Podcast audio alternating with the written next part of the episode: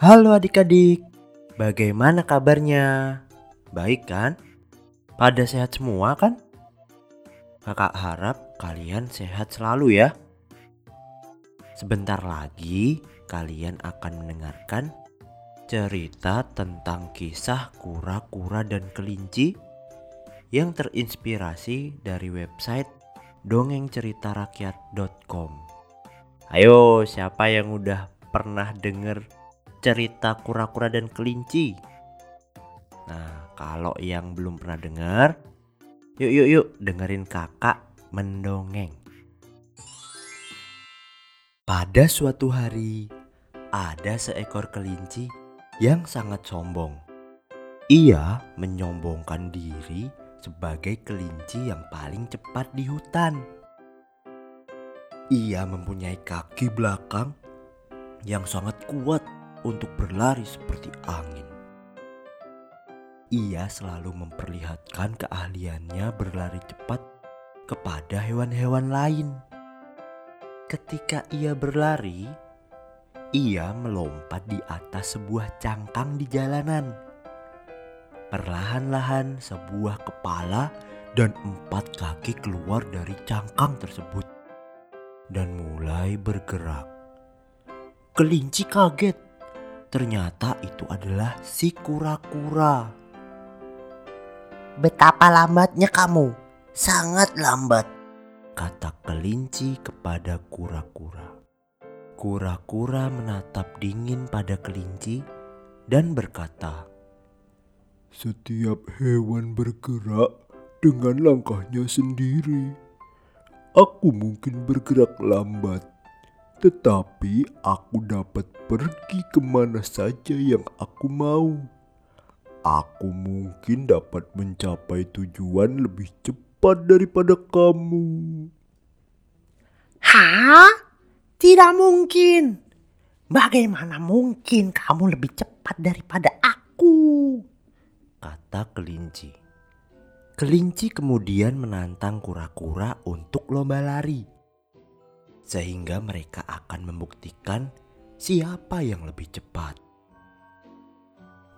Kabar tentang perlombaan ini dengan cepat menyebar ke hewan-hewan di hutan. Mereka semua berharap kura-kura yang menang, supaya kelinci tidak sombong lagi. Kalau kalian mendukung siapa nih adik-adik? Keesokan harinya, perlombaan pun dimulai. Benar saja, kelinci dengan cepat menghilang dari pandangan mata. Kura-kura melangkahkan kakinya perlahan-lahan, selangkah demi selangkah. Fokus berjalan, tidak menghiraukan sekitar. Tidak lama kemudian, kelinci tiba pada suatu tanda di jalan. Tanda itu menunjukkan bahwa ia sudah berlari setengah jarak antara garis start dan garis finish. Ia pun juga tidak lagi melihat kura-kura.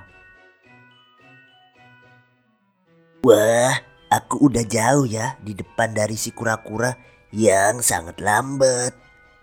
Perlu waktu lama nih buat dia untuk sampai sini. Hmm, mungkin aku bisa berbaring dulu dan beristirahat sebentar di bawah pohon yang teduh ini. Masih banyak waktu nih untuk memenangkan pertandingan ini. Kata kelinci. Sementara itu, kura-kura terus melangkah perlahan-lahan tanpa henti. Ia terus bergerak. Waktu terus berlalu. Si kelinci masih tertidur dengan lelapnya. Dengan perlahan-lahan dan mantap, akhirnya si kura-kura melewati kelinci yang masih tertidur di bawah pohon. Ketika kelinci terbangun dari tidur lelapnya, ia melihat ke arah belakang untuk mengetahui keberadaan si kura-kura. Namun ia tidak melihat kura-kura. Tiba-tiba terdengarlah suara sorak-sorai hewan-hewan di garis finish.